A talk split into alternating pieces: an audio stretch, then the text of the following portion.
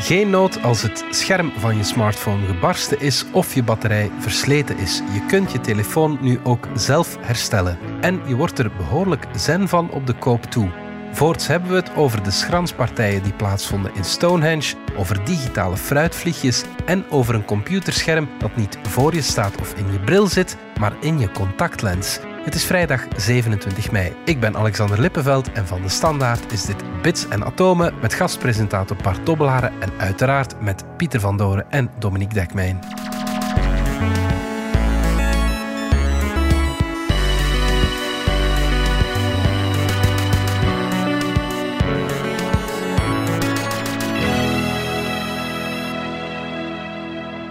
Pieter van Doorn, wetenschapsjournalist en Dominique Dekmijn, onze technologie-expert. Dominique, ik heb dit weekend met veel respect gekeken naar een filmpje van jou waarin je een smartphone kunt uit elkaar halen en terug in elkaar steken. Ja, het leuke was dat we het filmpje versneld hebben natuurlijk. Want als je heel de tijd had moeten kijken, dan was het een heel lang filmpje geworden. Het heeft wel even geduurd. Want je deed het natuurlijk niet zo, maar het was wel om die smartphone te herstellen. Hè? Ja, het, is, het hele idee is... Uh, Smartphones moeten langer mee. Mhm.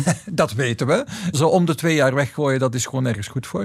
Ze kunnen eigenlijk ook wel langer mee. Ja, ze hebben dan... geen bewegende deel. Ah, ja, ze, en ze, ze kunnen het geheugen is altijd vol, toch? Ja, daar zit nu tegenwoordig toch wel wat meer geheugen op. Dus het evolueert allemaal niet zo snel. Het, het moet mogelijk zijn van die toestellen langer te houden. Alleen ja, laat ze vallen en dan wil er wel eens iets kapot zijn. En jarenlang is het zo geweest dat de fabrikanten van smartphones alles deden om ons te ontmoedigen om daar zelf iets aan te doen. Uh, en ze maken het zelfs voor derde partijen, voor, voor uh, professionele telefoonherstellers, niet gemakkelijk om dat op een goedgekeurde manier te doen. En het moet dan gezegd dat Apple daarin zich een beetje in negatieve zin onderscheiden heeft. Die zijn altijd heel erg, ja, het, positieve verhaal is, Apple wil dat allemaal gewoon werkt.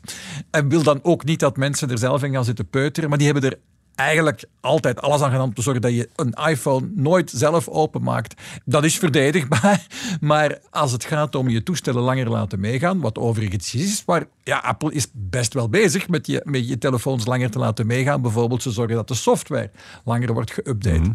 Maar dat herstellen, ja, dus uh, Apple had dan de gewoonte van daar als buitenste schroefjes zitten er schroefjes bij waar je geen schroevendraaier voor kan vinden. Uiteindelijk, als je lang genoeg zoekt, vind je ze wel, maar zo'n vijfpuntige schroevendraaier, piepklein vijfpuntig schroevendraaier, je vindt dat niet en dat stuurt direct het signaal afblijven mensen. maar dus, er is een beweging al jaren uh, die opkomt voor het recht. Het recht om je eigen dingen te herstellen. En ook de middelen om het te kunnen doen. En dus ja, ik vind het een belangrijk idee. Zelf je spullen kunnen herstellen of het aan iemand anders vragen die mhm. dat ook relatief gemakkelijk moet kunnen.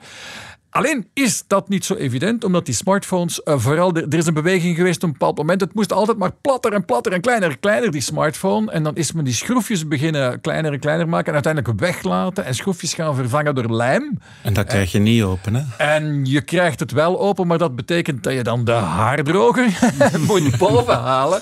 Of zelfs, uh, dat zie je in YouTube-filmpjes waar mensen hun telefoon op de kookplaat leggen.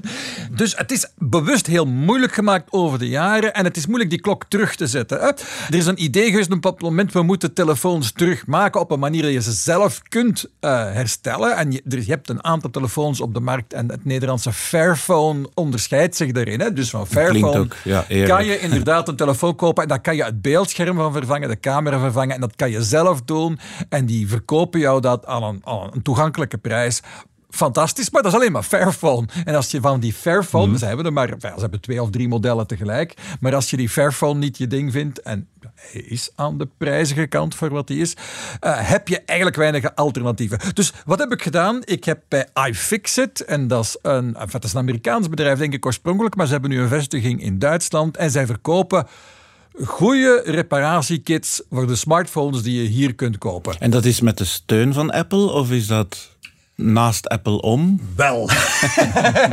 Wel, het is een beetje ingewikkeld. Zij hebben nu, iFixit heeft nu in Amerika, maar dat zal ook naar Europa komen, de steun van Samsung. Dus voor Galaxy hmm. phones zijn, hebben ze nu een soort officieel goedgekeurde kits. Dat is Heel recent, dat is nog maar enkele maanden geleden is dat beslist. En voor uh, Google Pixel uh, smartphones hebben ze ook officiële kits nu. Maar Apple niet. Apple heeft gezegd van wij gaan wel kits voor de herstelling van een iPhone ter beschikking stellen, maar we doen het dan zelf. En nu blijkt intussen dat die kits die Apple nu aanbiedt, dat dat toch wel behoorlijk ingewikkeld is, waarbij je dan een speciaal apparaat voor het openen van je iPhone toegestuurd krijgt, dan moet je dan een garantie storten en dat apparaat moet je dan later terugsturen. Het is uh, duur en ingewikkeld. Nog steeds ontradend eigenlijk. Niet echt aanmoedigen, nee, ze, nee. ze sturen nog altijd het signaal van... Eh, Blijf eraf. toch maar niet. Blijf het toch maar gewoon af. Terwijl dat die iFixit kits, die zijn beschikbaar. Dus die, nee, dat zijn niet officieel goedgekeurde. Maar het is toch een stapje betrouwbaarder dan naar AliExpress gaan en daar een iPhone-scherm Ja. Bestellen. Eh, wat ook kan lukken hoor. En er Mhm. zijn mensen die daar goede ervaringen mee hebben. En er zijn mensen die daar slechte ervaringen bij hebben. Dus wij hebben een scherm laten komen van iFixit. Dat kwam dan uit Duitsland. En twee dagen later is dat bij ons. Dat was dan 59 euro. Maar we hebben er dan... eh, de, dus de, de levering bleek nog eens een 8 euro te kosten. Dus je was dan uiteindelijk ja, een, een, een 67 eh, euro kwijt. Voor een beeldscherm. En een klein eh, kistje met Onder andere dat vijfpuntige schroevendraaiertje, maar ook twee hele kleine schroevendraaiertjes voor binnenin. En nog een soort ehm, ja, spatelachtig ding en een pincet. En de uitleg moest je dan op de website gaan zoeken. En dat stond bij dat dat eh, een uur tot anderhalf En uur hoe lang heeft het jou duren. geduurd? Ja, ongeveer een uur en een kwart. Ja. Eh, ik was ondertussen wat uitleg aan het geven, aan het praten. Dus, dus ja, dus, eh, nee, het is een uur en een half heb ik erover En wat gedaan. als je halfweg merkt, het lukt me niet? Wat doe je dan met je opengevezen? Wel, het advies dat ik iedereen geef. Dus ten eerste, het belangrijkste dat ik wil vertellen is, je kan dat doen. Dat, dat kan. Hè. Als ik het kan. Hè. Ik heb dus in de jaren negentig ooit eens wel een paar keer een pc opengeschroefd en zelf gemonteerd. Maar dat waren echt, dat zijn zo van die grote dingen die je met twee handen vastpakt en vaststuurt in je moederkaart. En dan zo'n grote, zo'n dikke Ja. schroef. Hè. Dus, voilà, die je er dan inschroeft. En, en dan mag je best wel wat kracht opzetten. En zo'n smartphone is natuurlijk piepklein. Dus je moet eh, niet al te zwaar trillende handen hebben. Dat, dat helpt wel. Ja. Het is vooral iets waar je enig geduld voor moet hebben. In de zin van, je moet zeggen van kijk, dit gaat een uur, anderhalf uur duren. Die tijd Ik moet neem ik nemen. tijd, ja. Ik neem de tijd. Ik probeer het niet te overhaasten. Ik lees grondig op voorhand Ja. wat er allemaal kan gebeuren. En bijvoorbeeld, eh, in mijn geval was dat van, ah ja, op een bepaald moment zul je uit dat scherm, want het is een iPhone eh, 6 Plus, waarvan ik het beeldscherm vervangen heb, Ja. met dus een, een, een volledige kit van iFixit. En op een bepaald moment moet je dus die home-button lospeuteren en- van het oude scherm en op je het nieuwe scherm aanbrengen, zodat die vingerafdrukherkenning eh, blijft werken. ja. En daar stond dan bij van, ja, dat kan zijn dat de lijm niet lost en dan moet je de haardroger bovenhalen. dus ik had toch. die haardroger hier liggen, hij lag er.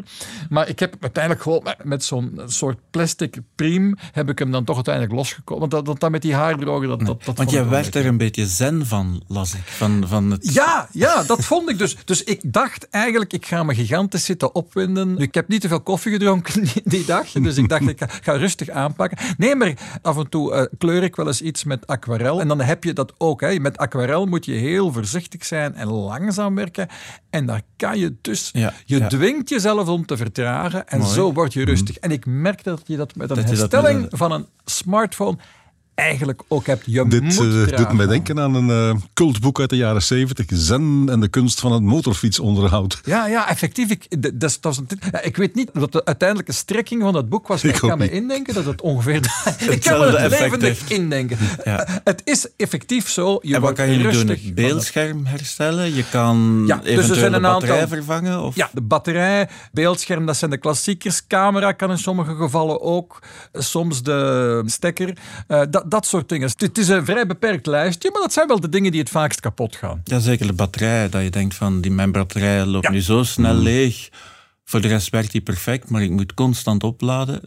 Dan kan het misschien nuttig zijn van een nieuwe batterij. ab- absoluut. Dat is typisch de, eigenlijk. eh, als je een toestel tweedehands koopt of, of verkoopt ook, is, is dat typisch wat, wat, wat er moet gebeuren. Dus een, een andere batterij. En die dingen zijn eigenlijk. Eh, Als je de batterij loskoopt, opvallend goedkoop.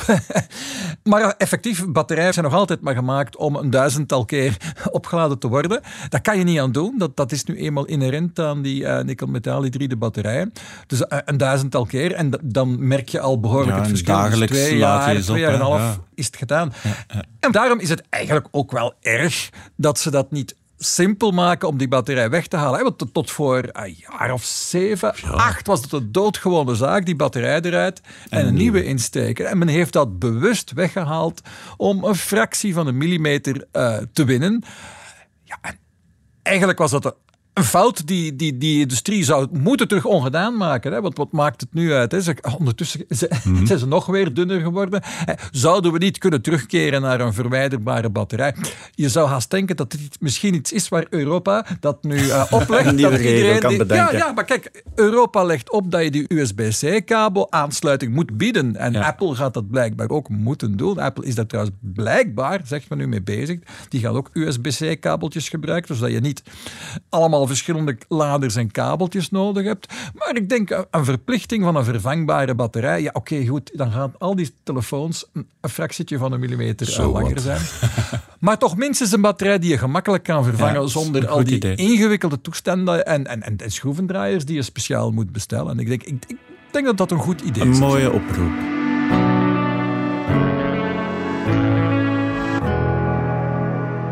We gaan een klein sprongetje maken in de tijd met Pieter en we gaan terug naar Stonehenge. Mhm.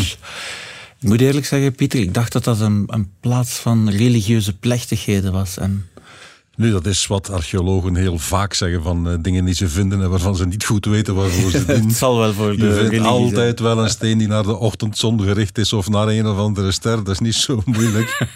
en als het geen uh, cultusplaats was, dan is het wel een plaats voor rituelen of een begraafplaats. Dat is ook zo van die standaard antwoorden. Nu, van Stonehenge weten we eigenlijk alleen dat het in de jaren 70 uh, gediend heeft als uh, en dansplaats voor hippies. Wacht, de jaren 70 bedoel De jaren 70 van vorige eeuw. Oké. En dat het in de Eerste Wereldoorlog gediend heeft als vliegveld. Daar zijn we zeker van. Al de rest is uh, gokken. Speculatie. En, speculatie voor een goed stuk. UFO-vliegveld is ook een van de dingen die wel eens gezegd worden. Dat is al delicater. Ja, begraafplaatsen zijn een paar uh, schedels gevonden inderdaad binnen Stonehenge, maar niet zoveel. Ja. Dus misschien was het, misschien niet. In 4500 jaar, als er maar een paar graven liggen, dan moet je toch afvragen, is het wel echt een begraafplaats geweest? Ja, ja. En een paar jaar geleden is men eigenlijk erop uitgekomen dat uh, het Tomorrowland van toen was. Een vuifplaats. Oké. Okay. Men heeft ondertussen iets van een 38.000 botten opgegraven van 90% varkens, de rest waren runderen. Wat betekent dat het toch aardig uh, geschranst geweest is. En men is in die botten gaan kijken waar ze vandaan kwamen. Aan het strontiumgehalte kun je namelijk zien uit welke streek een uh, bot komt. Ja. Want de grond is net iets anders. Dus die beesten eten gras dat op andere grond gegroeid heeft. En via het strontiumgehalte kun je dan kijken. En dan bleek dat bijvoorbeeld de koeien vanuit Schotland aangevoerd werden. Dus mensen kwamen samen met hun koeien en ook met hun varkens trouwens naar daar om te vuiven. Van de varkens heeft men de leeftijd kunnen uh, natrekken en dan blijkt dat die allemaal ongeveer op negen maanden geslacht werden. Wat wil zeggen geboren in de lente, geslacht met midwinter. Ja. En midwinter is het moment voor de grote vuiven met grote vuren en uh, ja. terugkeer van het nieuwe jaar en het nieuwe licht en zo verder. Blijkbaar werd het er aardig uh, gefuifd. Je ziet ook aan die botten bijvoorbeeld dat ze niet uh, grondig afgekloven zijn. Er was eten genoeg, dus uh, het laatste werd gewoon weggeworpen. Aan de tanden van de varkens zie je dan weer dat die al gaatjes hadden. En dat moet weer betekend hebben dat ze gevoerd zijn met honing en met graan. Dat het echt Om feestvarkens uh, waren. Te zijn. Ja, ja. Feestvarkens, daar komt dat woord van. Daar komt blijkbaar het woord feestvarken vandaan. Nu, in uh, 2019 heeft men nog een paar extra technieken ingezet, behalve strontium voor de streek. Heeft men het zwavelgehalte in die botten gaan nakijken. Dat geeft u de afstand tot de kust waar die uh, dieren vandaan kwamen. En Stonehenge ligt niet aan de kust, maar aan land. Ja. Koolstof- en stikstofisotopen die geven weer het soort dieet dat die dieren gehad hebben. En als je dat allemaal samentelt, dan zie je dat zeker de varkens van overal vandaan kwamen uit uh, Wessex, de streek waar uh, Stonehenge ligt. Maar ook uit Schotland, uit het eiland Skye, uit Ierland. Dus ook de feestvierers kwamen van... Dus ook de feestvierers. En blijkbaar was de regel brengen wij eigen varken mee. ja. Heel opvallend. De insularity hadden ze toen al. Er is geen enkel dier of mens die van het vasteland kwam. Ze kwamen wel allemaal van de Britse eilanden. En dat mocht heel ver zijn, maar uh, de overkant van het kanaal... Geen Frans varken te zien. Geen Frans varken te zien. Pas de cochon. En nu, het recentste nieuws is vuiven is allemaal goed en wel, maar je moet wel rekening houden dat er af en toe gevolgen aan zijn. Men heeft namelijk een aantal coprolieten gevonden. En dat is uh, Dan moet je versteende keutels. Oké, okay, dank Als je het, uh, het Grieks vertaalt. Van mensen en van honden. En dat kun je weer zien uit de sterolen en de galzuren in daarin. Okay. Wie de oorspronkelijke producent geweest is. En men heeft één mens en vier honden uh, kunnen vinden. En in die uitwerpselen zaten eieren van parasieten. Van haarwormen. Ja, het woord zegt het zelf, dus hele dunne, fijne wormpjes zitten bij de mensen meestal in de lever of in de longen. En wat leiden we daaruit af, Pieter? We leiden daaruit af dat wat ze gegeten hebben niet altijd even goed gebakken was. het moest een beetje snel gaan, waarschijnlijk. Blijkbaar. Ook bij, bij varkens en bij runderen zitten dat soort wormen zitten ofwel in de lever ofwel in de longen. En als je dan een niet goed gebakken lever eet, dan komen in jouw uitwerpsel uiteindelijk nog eitjes eh, van die dieren terecht. Als ze wel goed gebakken zijn, zijn die kapot. Dus ik stel mij een groot feest voor met veel varkens die op de barbecue moesten en ongeduldige mensen die niet wilden wachten tot het vlees helemaal Blijkbaar. klaar was. Het vlees werd meestal geroosterd aan spit. Ja. Geen enkel probleem, goed gebakken. Of het werd gestoofd in uh, potten van klei. Uh, misschien dat af en toe is iemand uh, toch iets te snel in die potten graaide.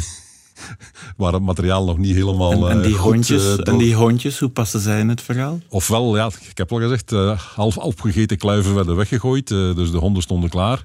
Misschien werden ze ook gewoon gevoederd door hun baasjes. En ja, in elk geval het was duidelijk, men heeft daar te snel gekookt. Het was ja, streetfood zeker. Oké. Okay. Een heel nieuw licht op de bronstijd. Dankjewel, Pieter.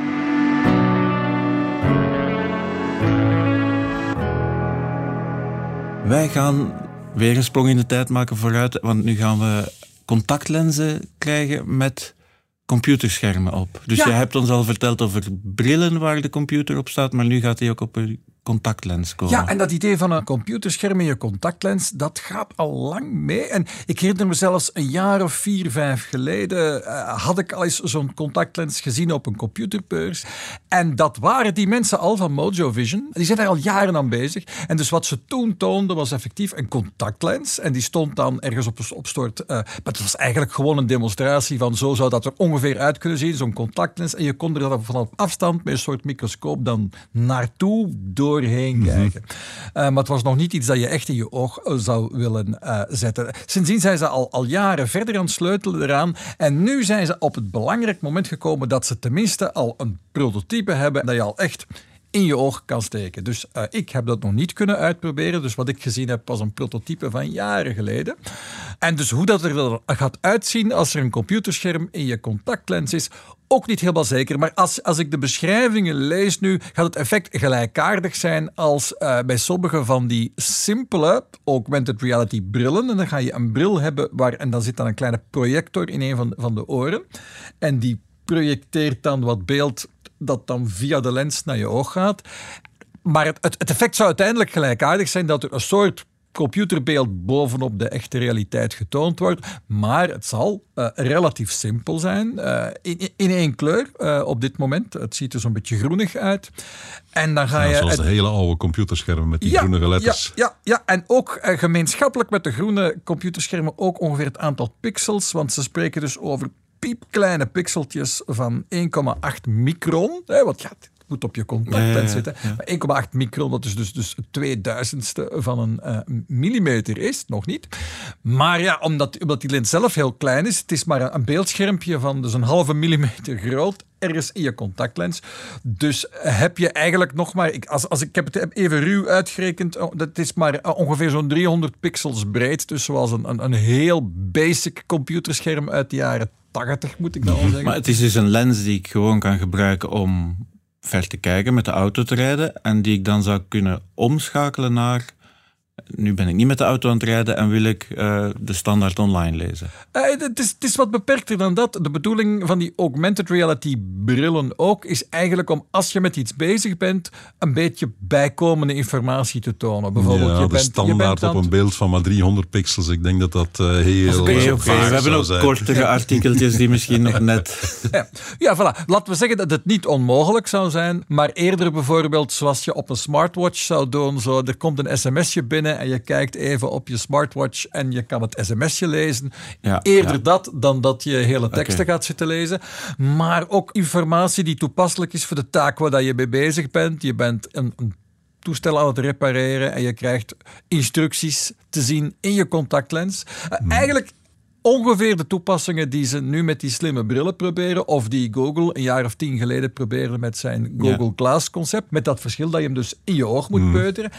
Denken veel mensen, ja, dan ziet niemand dat je met zo'n raar ding op je hoofd rondloopt. Dat ziet er wat gewoner uit. Oh, dat zou tof zijn. Maar je moet het natuurlijk nog wel in je oog peuteren. Hè? Ja. En Wacht, waarom moet je in je oog peuteren? Om de lens erin te Om steken? die maar lens erin te krijgen, Niet om te En- scrollen door de berichten die allemaal binnenkrijgen. Eh, Nee, gelukkig niet. Dus, eh, ja, dus de, hoe de bediening helemaal werkt. eh, eerst en vooral, het, het, het is niet alleen een beeldscherm. Het heeft zijn eigen processor, een Ja, ja, chipje. en ook nog een radiozendertje, zodat je streaming video er naartoe kunt sturen. Ik neem aan dat dat dan ook onder meer van je eigen smartphone kan komen. En dat je de bediening eerder daar moet gaan zoeken. Want veel, veel ruimte voor echt Niet helemaal. Maar dat gebruikersinterface stembediening hier wel handig niet zou zijn. Eigenlijk al dezelfde dingen die je met, met, met die brillen eigenlijk ook heeft. Behalve nee, bij, bij die smart brillen heb je vaak ook nog eens de mogelijkheid om te klikken tegen het oor van de bril. eh, of te wrijven erlangs. Ja, dat, ja, dat is, ja. En die optie heb je dan bij een contactlens niet. Belangrijk punt is dat niet alleen zul je eh, informatie kunnen tonen die van je smartphone of zo komt, tekst tonen. Er kan ook een beeld vastgeklikt worden op de realiteit. Hè. Dus het systeem ziet waar je naartoe kijkt. En je zou bijvoorbeeld kunnen zeggen van ik ga nu ervoor zorgen dat... ehm, elke keer als eh, Pieter iets zegt, dat er dan een onderschrift bij komt en dat moet net onder zijn kin staan of zo. Dit dat is dat zou Pieter, dan ja. kunnen. Eh, oh ja, nou, ja dat, dat, dat is ook weer zo'n toepassing waar toen van gezegd werd van ja, we gaan mensen herkennen en dan kan de slimme bril ja, je tonen van ah ja, kijk, wie is die persoon ook al meer en waar heb ik En hem dit is de? Eiffeltoren. En, eh, ja. Of ik ja. kijk naar een witte muur en ik denk, zou ik nu geel behangpapier nemen of lichtroze? Dat is dan weer iets anders. Dat is toch ah, weer niet. In ieder geval, het is nog vroeg dag, dus voorlopig zijn die dingen nog niet op de markt. Maar toch die stap dat, dat ze dit nu echt gaan uitproberen, dit jaar nog, vond ik toch al, eh, Absoluut. al beduidend. En het is gewoon heel veel gaande rond Beweging, augmented die- reality ja, deze ja. maanden. hè. In de komende weken denken we, hopen we iets misschien te zien te krijgen van die augmented reality bril waar Apple al bijna tien jaar aan Mhm. werkt. En waar we eigenlijk alleen nog maar van gehoord hebben dat er iets is. En, en dat iets zou zelfs, eh, was het laatste bericht, aan de raad van bestuur van Apple zijn gedemonstreerd enkele weken geleden. Dus wat zou suggereren, het komt in zijn laatste rechte lijn. Dus er staat heel veel te gebeuren rond visuele informatie die inspeelt op wat je eigenlijk aan het zien bent en daar bijkomende informatie eh, bij toont. En dat, dat is precies wat men augmented reality noemt. Dus zeer belangrijk onderwerp dit jaar. En het hoeft dus niet in een lullige bril te zitten. Het kan in een contactlens. Ik vraag me wel af wat de oogartsen daarvan vinden. Oh, een contactlens die je medisch gezien nodig hebt, omdat je anders overal tegenaan loopt, oké. Maar een ding rechtstreeks op je oog leggen, eh, gewoon voor je comfort, ik weet niet of dat zo, eh, zo veilig is. Ja, ik heb zelf een tijdje contactlenzen gedragen. En na een jaar of twee kon ik ze niet meer verdragen. En deze contactlenzen worden ja, groter, eh, ingrijpender. En er zit dus een chip en een stukje batterij en een radiozendertje in. Ik weet het zelf ook nog niet. Nog even afwachten dus. Maar Pieter, je hebt ook digitaal nieuws voor ons meegebracht. Dominique heeft het altijd over de metaverse, eh, waar we in de toekomst allemaal met onze avatar doorheen gaan eh, razen. Maar ik heb slecht nieuws voor hem. Oei. Ook in de metaverse zal hij fruitvliegen tegenkomen.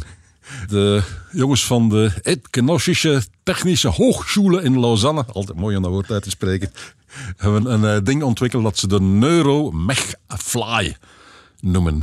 En dat is eigenlijk een digitaal model van een fruitvlieg. Ze hebben een eh, fruitvlieg eh, genomen, er allerhande metingen op gedaan, dat eh, voor allerhande camera's laten poseren. En daar dan uit afgeleid een model van het exoskelet eh, van dat dier, een model van alle spieren die dat aandrijven, een model van alle zenuwen die weer die spieren aandrijven. En in die modellen hebben ze dan de gegevens gestoken die ze van echte fruitvliegjes namen. En dan gekeken, wandelt ons model zoals een fruitvlieg een echte fruitvlieg zou wandelen. Als een fruitvlieg haar eh, pootjes schoonmaakt of haar vleugels schoonmaakt, doet ons model dat op exact dezelfde manier. En dan zijn ze gaan kijken, hebben ze het model eh, laten lopen. Hebben ze het bijvoorbeeld beschoten met eh, kleine kogeltjes. In verhouding ongeveer zoals je mensen met voetballen zou bestoken. Om te ja. kijken als ze zo'n kogeltje tegen zich krijgt, hoe gedraagt dat, dat beest zich. Dat was heel realistisch. Behalve als het omvloepte.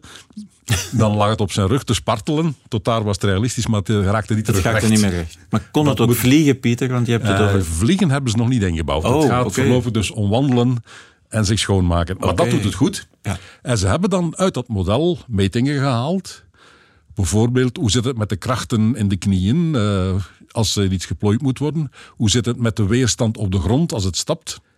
En die cijfers hebben ze dan nadien pas bij echte vliegen gaan meten en die klopten.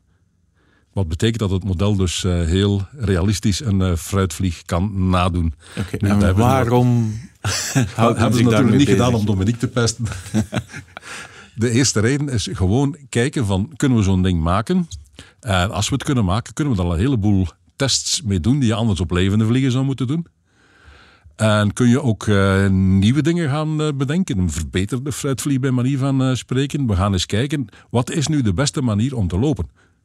En is dat de manier die fruitvliegen gebruiken? Waarschijnlijk, ze hebben er een paar honderden miljoen jaren tijd voor gehad. De kans is heel groot dat de fruitvliegen de beste manier lang gevonden hebben. Maar goed, we kunnen het op deze manier gaan testen. En wat dat betreft, heel interessant kakkerlakken zijn eigenlijk het model geweest voor de eerste lopende robots. Men heeft uh, lang gedacht, als je zo'n robot moet laten lopen, dan moet je er een grote computer aanhangen met een enorm gigantisch uh, programma om alles te sturen en op alle mogelijkheden voorbereid te zijn. Tot een uh, Rodney Brooks, een van de pioniers van de, de, robotica, gezegd heeft: Jongens, jullie zijn compleet verkeerd bezig met die gigantische modellen. Kijk naar een kakkerlak. Dat beest heeft nauwelijks hersens. Maar toch kan hij lopen. over en onder en tussen. Dat werkt gewoon met een paar heel eenvoudige principes die je in vijf regels uh, programmeren kunt gebruiken. En dat werkt perfect. Nu, uh, kakkerlakken uh, ga je waarschijnlijk ook in de metaverse straks tegenkomen, want ook die bestaan al in model. Ja. En bijvoorbeeld in de science fiction, in wat men de cyberpunk noemt. Het genre dat je terugvindt in The Matrix, in Blade Runner wat realistischer, uh, wat minder gladde science fiction. Niet die, die lycra pakjes van, van Star Trek, maar een wat vuilere wereld met kakkerlakken erin. Aan de ULB trouwens heeft men al een uh, kakkerlakmodel gebruikt om levende kakkerlakken mee uh, te testen. Men heeft daar de sociologie van kakkerlakken mee bestudeerd. Ze namen een klein robotje, spoten daar een beetje kakkerlakkengeur over, zodanig dat het niet herkenbaar was. geïnteresseerd waren. Ja. En dan hebben ze die hele zwerm kakkerlakken met de robotjes erbij in een uh, doos gestopt, waar twee hoekjes waren waar ze konden gaan schuilen. Eentje dat verlicht was en eentje dat donker was. Kakkerlakken kiezen altijd voor donker als ze de keus krijgen. Ja, Alleen, die robotjes die gingen naar het licht. En als die robotjes dat maar duidelijk genoeg deden, dan bleek dat de andere kakkerlakken zeggen: hé, hey, wacht even, Kom, we gaan die Als die naar daar gaat, dan gaan en uiteindelijk ging de hele zwerm mee met de robots. Dus je kunt met die robotjes kon je al sociologie van kakkerlakken gaan bestuderen. Ja. Ik neem aan dat dat bij fruitvliegen ook uh, mogelijk moet zijn om het zwermgedrag en zo te bestuderen. Maar in elk geval, in de metaverse uh, ga je en fruitvliegen en kakkerlakken tegenkomen. Net deze week, want ik heb het nog niet in detail kunnen bekijken. Ik kwam net voor we dit gingen opnemen, zag ik het net passeren. Maar, maar Meta heeft op zijn blog net uh, gepubliceerd dat zij een model hebben. Ze gaan een, flinke stap verder. Het is een model van de spieren en uh, uh, het skelet van een mens hmm. gemaakt. Dus straks kom je in de metaverse mensen tegen. Uiteraard heeft het iets met metaverse te maken. Dat kan haast niet anders. Maar dus ze hebben een model gemaakt van de spieren en de, het, het skelet van, van mensen. Dat zou je enerzijds kunnen gebruiken om heel snel te testen uh, ideeën voor uh, protheses, maar ook bijvoorbeeld voor operaties aan, mhm. aan, spieren en zo. Maar het zou ook moeten leiden tot uh, meer natuurlijk uitziende en meer natuurlijk bewegende avatars in de, de metaverse. Okay, met dan af en toe een wandelend fruitvliegje erbij.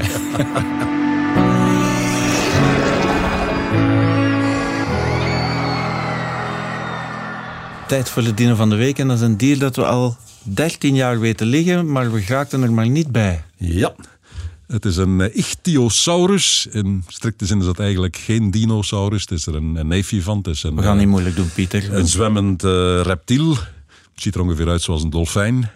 En deze is gevonden in de Tyndall Gletscher in Patagonië in Chili. En Patagonië is ongeveer de meest onherbergzame en lege plaats die je ook maar kunt indenken. Men heeft dat uh, beest in 2009 al gevonden. Maar het zit op zo'n onbereikbare plaats dat het gewoon niet mogelijk was om het daar uh, los te maken en uh, naar de bewoonde wereld te brengen. En pas nu, dit jaar, is men daarin geslaagd. De enige manier om ze te bereiken vanaf het laatste puntje waar nog mensen wonen, is 10 uur te paard. Wow. En dan kom je daar, dat is nu een hele expeditie. En dan zit je op een plaats met stormweer van 90 km per uur, met sneeuw en regen in je nek.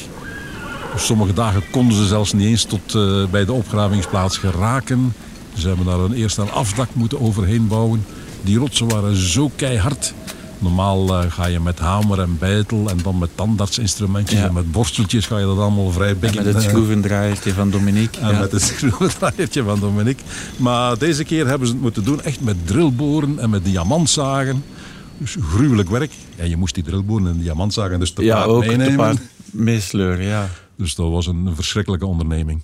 Geleid door een vrouw, Judith eh, Pardo Perez van de Universiteit van Punta Arenas. En die is er met een hele ploeg naartoe gegaan, had nog een andere vrouw bij. Erin Maxwell, en dat is de wereldspecialiste in alles wat eh, zwemmende dino's betreft. Hoog bezoek. Hoog bezoek. En die hebben dus een maand werk gehad om dat ding vrij te bikken. Elk stukje dat vrijkomt moet je meteen verharden. Want het is zo broos als wat, dat verkruimelt. Dus je moet daar direct lak in impregneren, zodanig dat dat eh, hard en stevig wordt. Werd er ook groen van. En dat groen heeft eh, hen ertoe geleid om het eh, dier Fiona te noemen. En Fiona is het liefje van Shrek. En was groen. Ik heb Shrek hem. was groen. Dus En dan hier- moest de, de dino, de paard, terug naar de eh, bewoonde dat wereld. paard ging gewoon niet, want je moet die dingen, eens dat je vrijkomt, moet je ze ook nog eens inkapselen in gips. Ja. Om ze voldoende stevigheid te geven voor transport. Dus er zijn blokken die erg eh, makkelijk 100 kilo wegen, eh, no way. Hebben ze uiteindelijk met een helikopter moeten Ja, doen. toch, ja. Dus een hele dure helikopter huren om al die brokken dan over te vliegen naar het dichtstbijzijnde dorpje.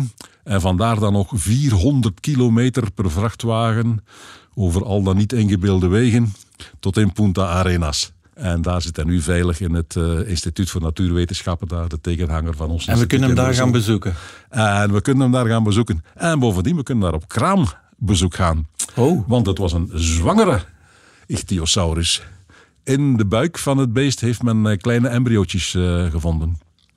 En om het nog leuker te maken, ze hebben op die plaats, terwijl ze dan, dan toch bezig waren, iets van 100 ichthyosaurus aangetroffen. Het is de, de, Oei, de rijkste vindplaats ter wereld.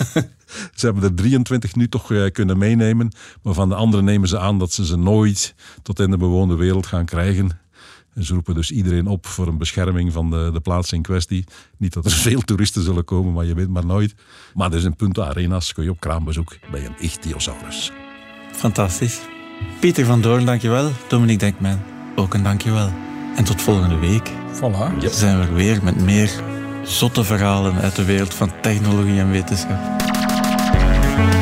Dit was Bits en Atomen, onze wekelijkse podcast over wetenschap en technologie. Bedankt voor het luisteren. Download onze app DS Podcast of volg ons op Spotify, Apple Podcasts of eender welk ander podcastplatform. Alle credits van de podcast die je net hoorde vind je op standaard.be-podcast. Reageren kan via podcast.standaard.be. Volgende week zijn we opnieuw.